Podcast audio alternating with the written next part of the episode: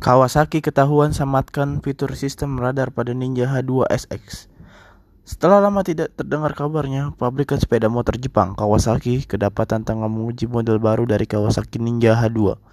Motor yang dibekali dengan teknologi supercharger ini diyakini sebagai Kawasaki Ninja H2 SX yang sudah dibekali dengan fitur baru.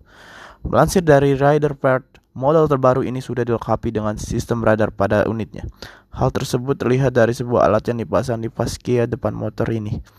Mengacu pada kabar tersebut, Kawasaki Ninja 2 SX sedang sini sudah dipersenjatai dengan radar. Hal itu terungkap lewat bocoran foto yang dipublikasi serta dari isu yang berkembang di dunia motor.